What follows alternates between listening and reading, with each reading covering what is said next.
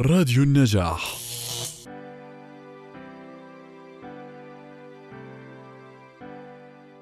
والدي هذا الصباح لك. الطيور تقف على كتف السماء تنتظر صحوك لتغني.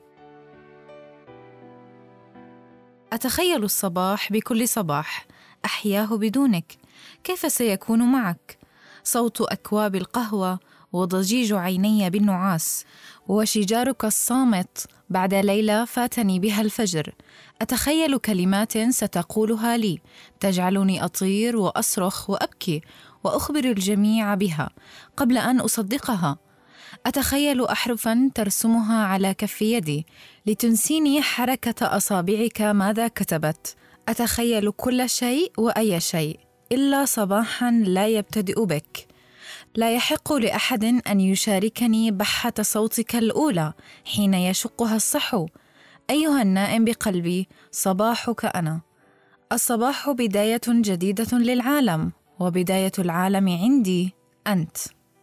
كنت أتخيل غياب صوتك وأشهق بحسرة ثم أبتسم لأنه مجرد خيال. ما عرفت أن القدر يأخذ خيالاتنا على محمل الجد ليفاجئنا بها ولو بعد حين. شندا إحدى ممرضات والدي والتي تقوم بخدمته وأكثرهن ملاصقة له. أخجل حينما تكون هي الابنة الحقيقية البارة به وتعرف تفاصيل مرضه وصحوه ومواعيد دوائه والغذاء حينما تحفظ صغار الصور لترددها على مسمعه. لأنه ينصت للقرآن فقط حينما تقف وتتعرف عليها بنظراته حينما تطعمه وأنا واقفة كخيبة أورثها والدي لتتفرج وتبتسم وتنادي وتضحك وتبكي. أسألها متى ينام ومتى يصحو فقط لأغبطها على ملاصقتها له بحكم عملها. أصبحت أغار حينما أشعر مشاطرتها لنا حبه وأسعد قليلا لهذا عندما تناديه بمثل ما أناديه. أبوي عندما ترفض الذهاب لوالديها الحقيقيين وتفضل ملاصقته لا أعرف أي حب أسقطه الله بقلب مسيحية. لتحبك يا والدي لتكون لك الابنة الباره وأنا الزائرة التي تأتي بمواسم الفرح والدمع. مؤلم أن تكون خارج نطاق الفائدة. الحياة رحلة قصيرة. كل فصولها من حقنا. نحن وما نعطيه للغير هو كرم روحي وفائض من عطف. فلقد كان كرمه فائضا لدرجة الاهتمام. صغيرهم والكبير فقيرهم والمريض شيخهم ومولود جديد. داخل نطاق الاحتواء. وعندما غيبه المرض تلاشوا جميعا. الا بعض الأقدام التي حفظت طريق الود وظلت ممسكة بزهرة الدعاء. عندما تتلقفنا الفاجعة تزدحم الوجوه حد الاختناق. تذوب سريعا وتترك فراغا حد التلاشي. يعلقون على صدورنا سؤالا لنجيبهم بتبسم مصطنع. هو بخير والحمد لله. بخير طالما الله معه. علمني مرضك كيف أحب نفسي وأحب الله. صوت أذان الفجر الآن. صوت الأقدام المتثاقلة بالنعاس تجر خطواتها بنفس الشارع الذي حمل أقدامك وعكازك يوما. صوت تلبية النداء والتكبير. حي على الصلاة. يعلو الآن من منابر مسجدك يا والدي. مسجدك الذي يروي قصة قصيرة جدا. بدأت بحلم كبير حلم لم يقف على أعتاب المستحيل بل سعى بخطواته للواقعية. اخترت الأرض ولصقتها سكنى لتراقب بناءه وبكل حجر ترص كنت تسأل الله التوفيق. بالخيمة الصغيرة التي نصبتها كنت تجالس الشمس وحرها لتترك على عينك ندباتها المتورمة. رغم مخاوفنا على صحتك وحالك كنت تبتسم لأنك تعيش حياة أخرى معه. لا زلت أذكر حكاية رويتها لي. حينما قررت أن يكون المسجد بالكامل من نفقتك الخاصة ورفضت كل يد تشاركك وقطع اصرارك هذا الطفل الصغير بثيابه المهترئة. قدم لخيمتك حيث كنت تراقب العمالة وسير عمل البناء. يلف بيده اثنا عشر ريالا متفرقات جمعتهم كفه الصغيرة ووالدته تقف بعيدا ترقب بشارة القبول. اقترب منك وهمس هذا كل ما نملكه اليوم وأمي تريد الأجر لتشتري منك طوبه بجدار مسجدك.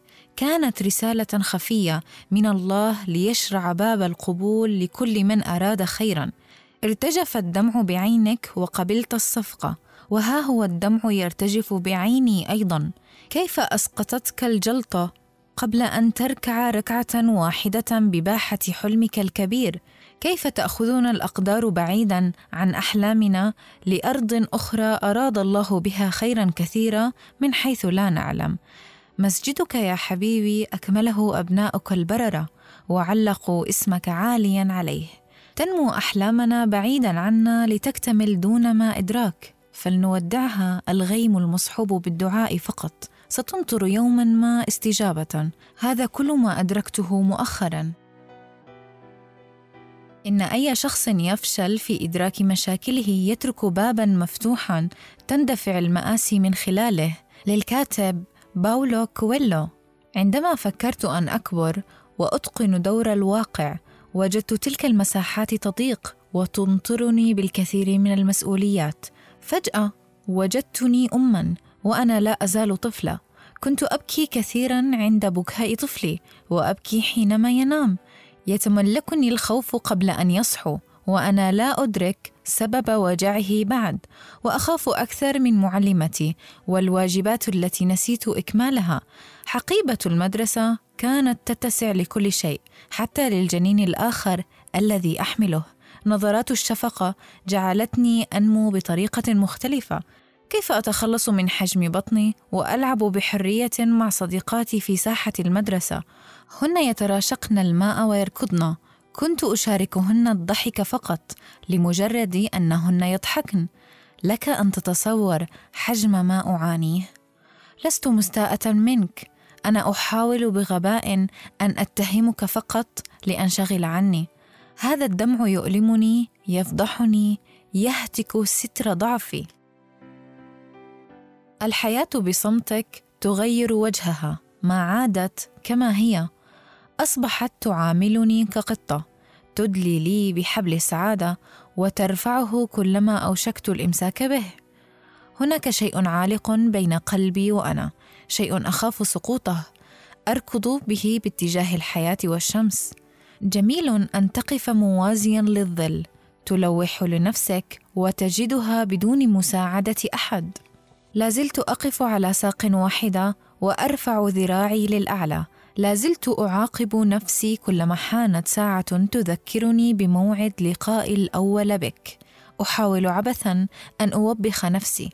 كطفلة عنيدة تبكي شوقا لك. ساقي لا تؤلمني. إنه قلبي فقط.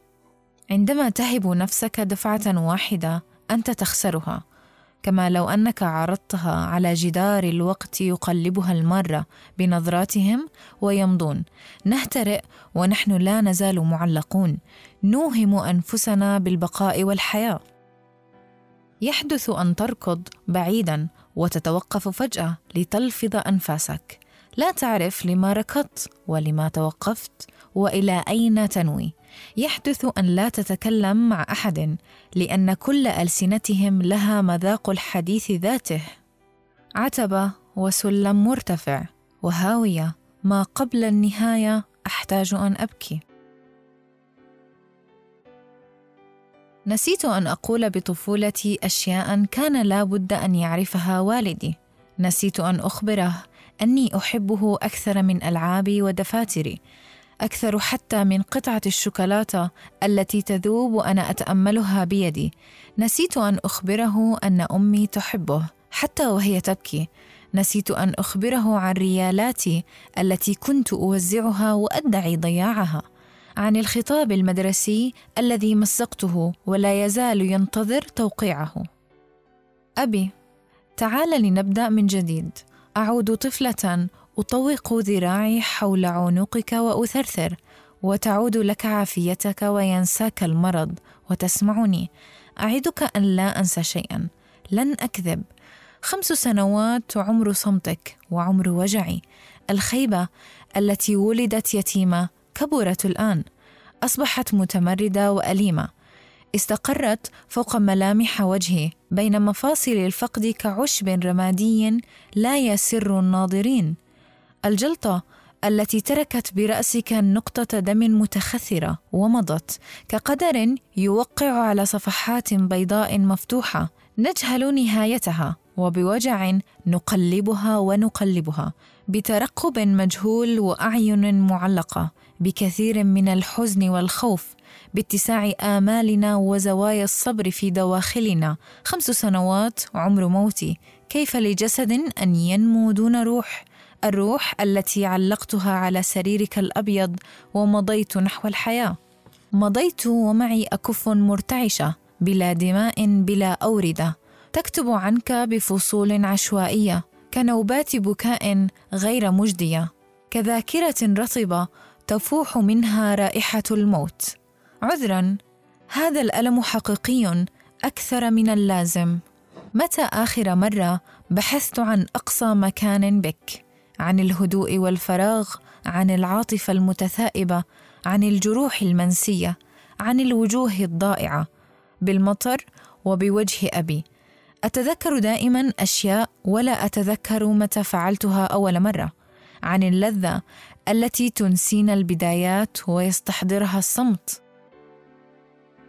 هل أخبرك صمتي أني أحبك؟ بكل هذا الذبول الذي ينبت على جوانب وجهك بكل هذه التجاعيد المفرغة من الحياة بخطوط السواد الدقيقة بين ضجة الشيب بلحيتك. بشفتيك حين تتثاءبان بعفوية ونظرتك التي تحدق بمكان واحد ولا تعرفني. حبك يتسلق أوردتي ليسقطني بحضنك دفعة واحدة. أستشعر نبضك ولا أنسى صوتك بقصائدك بهمسك. هذه اللحظة التي تنفلت مني كلما حاولت الإمساك بها. اللحظة التي تأتي محملة بك. ألم أخبرك أن صمتك ومرضك جعل صبري وحبي ينمو بطريقة مختلفة؟ ملح فوق أصابعي وجرح مكشوف. علمتني الخيبه أن الجرح لا يتسبب بموتنا ولا تقف الحياة على عتبة الرضا. بعد كل خيبة أحمل وجعي وقلبي وأركض باتجاه الحياة. النسيان لا يأتينا نحن من نذهب إليه. متعب أن تحاول كتابة صمتك. أن تتدلى وتظل تتأرجح حد الدوار ولا أحد يستطيع إيقافك. أن تكون كمادة هلامية تنزلق من ملابسك وتتعرى ليكشف الجميع عورة جرحك. هذا الشحوب الذي يعلو وجهي. هذا الصوت الذي هرم وابتلعته بعد صرخة ولم يسمعها أحد سواي. هذا الملح الذي طفح فوق أصابعي. من أين لك يا أنا كل هذا الحزن الكريم؟ أحيانا. بكل مرة أجهز قهوتك فيها وأشياء أخرى. احتماليات مزاجك أعرفها جيدا وبها آمنت حد الرضا. إلا غيابك والمواعيد المؤجلة. جعلتني بكل مرة أضيف كاسا آخر وطبقا آخر. كل هذه الخزفيات تنتظر لتجربها. أرتشف الانتظار حد التخمة. فقط من يحبك يطيل النظر إلى صوتك ويسمع حديث عينيك. ماذا لو نستطيع أن نختار إلى أي عمر نعود؟ لنتوقف هناك وننسى أن نكبر. أحيانا الأبواب المشرعة تحمل لنا وجوها. تمنينا لو لم تخلق للأبواب مقابض. الكثير من الانتظار ينجب اقداما متورمة بالخيبة وصداع لا ينتهي. الأشخاص الذين يعلقون بأغصان الذاكرة سيأتي يوم ويتساقطون بمواسم الفرح والحنين والبكاء. لا تتوقع الشيء الذي يبهجك دائما فهناك من يجعل توقعاتنا مجرد أماني. لست سيئة حين أتعمد إغضابك ولكن قيل لي إن الغضب يكشف حقيقة الأرواح. حب في غفوته الأخيرة. منك كنت وإليك ولدت وبك تعلقت وتعلمت وكبرت وبكيت. كل الأشياء التي تخلق الحب بداخلي كانت تبتدئ بك ولا تنتهي. عمرك لعمري صوتك بصوتي حتى اسمي هويتي عنواني هو أنت. لا عجب أن يحدث صمتك ثقبا بقلبي. يتسرب منه الفرح والحياة ليبتعد عني الجميع ويخافون حزني. أنا لا أسألهم البقاء. لأني غير قادرة على منحهم الحب. الحب الذي أعطيته لك دفعة واحدة أريد أن اغفو قبل أن تكوي تجاعيد الحياة صبري. قبل أن يرحل المسافرون ويتركون رائحة حقائبهم بالمكان. قبل أن يسدل الوجع ستارته على حكايتي. قبل أن يتغير طعم النوايا. أريد أن أصافح مقابض الأبواب لأسألها عن الراحلين وأسأل الأحلام كيف تزور النائمين. أريد أن أموت قبل أن تفتقد عيني صورتك قبل أن أحتضن وسادتك وأخاف الليل بغرفتك قبل أن أستقبل الوجوه التي تدعي حزن فراقك. سأظل أبكي حرفا دون صوت دون شفقتهم وأطوي عتبات السهر بالدعاء. أن يا رب السماء هب لي روحه الشفاء فحياتي من دونه فراغ يملأه فراغ آخر. أوشكت على النهاية كنقطة آخر السطر. تعلن نهاية مفتوحة كهواء يمر بين الأصابع ويحملها إلى حيث لا شيء كظل يسبقني وينفصل عني. أشعر أني لقمة حارة جدا بفم يتيم بليلة جوع باردة يلوكني دون أن يستسيغ مرارتي. أين ألوذ بحزني وكل الأشجار نحيلة؟ لا تتسع لأكتافي. أقطف من ورقها لأواري سوءة الفقد وبكل عام تسقط ورقة. النهايات التي أخافها لا تخافني. أحتاج لغفوة أخيرة أجمع بها شتات عمري وأمضي. لا يزال والدي يتنفس ولا أزال أجمع أكفي كالدعاء لألتقط نظراته الشاردة. أخاف أن تسقط واحدة وتفلت مني. لا يزال جسده الدافئ يصافح الحياة دون أن يعرف صباحها والمساء مواقيتها ومواعيد الدواء. لا يزال يهب لنا روحه التي فقدناها منذ خمس سنوات الروح التي جعلتنا نلتف حوله وننبض جميعا بالدعاء وعلمتنا معنى أن نكون إخوة بالشدة قبل الرخاء. أنجب رجالا نحتمي بهم إذا اشتدت رعود الأيام وترك بقلب كل واحد منا بذرة نقية. تبدأ بالحمد وتنتهي بالشكر. فالحمد لله والدي يتنفس. وإذا تمنيتم شيئا فتمنوا أن لا تسكن الجلطة بأحد غرف منازلكم وتقيم بها. توقيع متعرج. فكرت بعملي هذا أن أفعل شيئا جديرا أن أترك شيئا مني ووجدت أنني تورطت بأشياء أكبر. فالذاكرة التي حاولت تخليصها مني تضخمت والأبواب ضاقت ولا تتسعها. ربما لا أستحق أن أكون كاتبة ولكن والدي يستحق منكم الدعاء. لتكن غفوة أخيرة مبتدئة بالحب مختومة بالرجاء. الجوهر الرمال.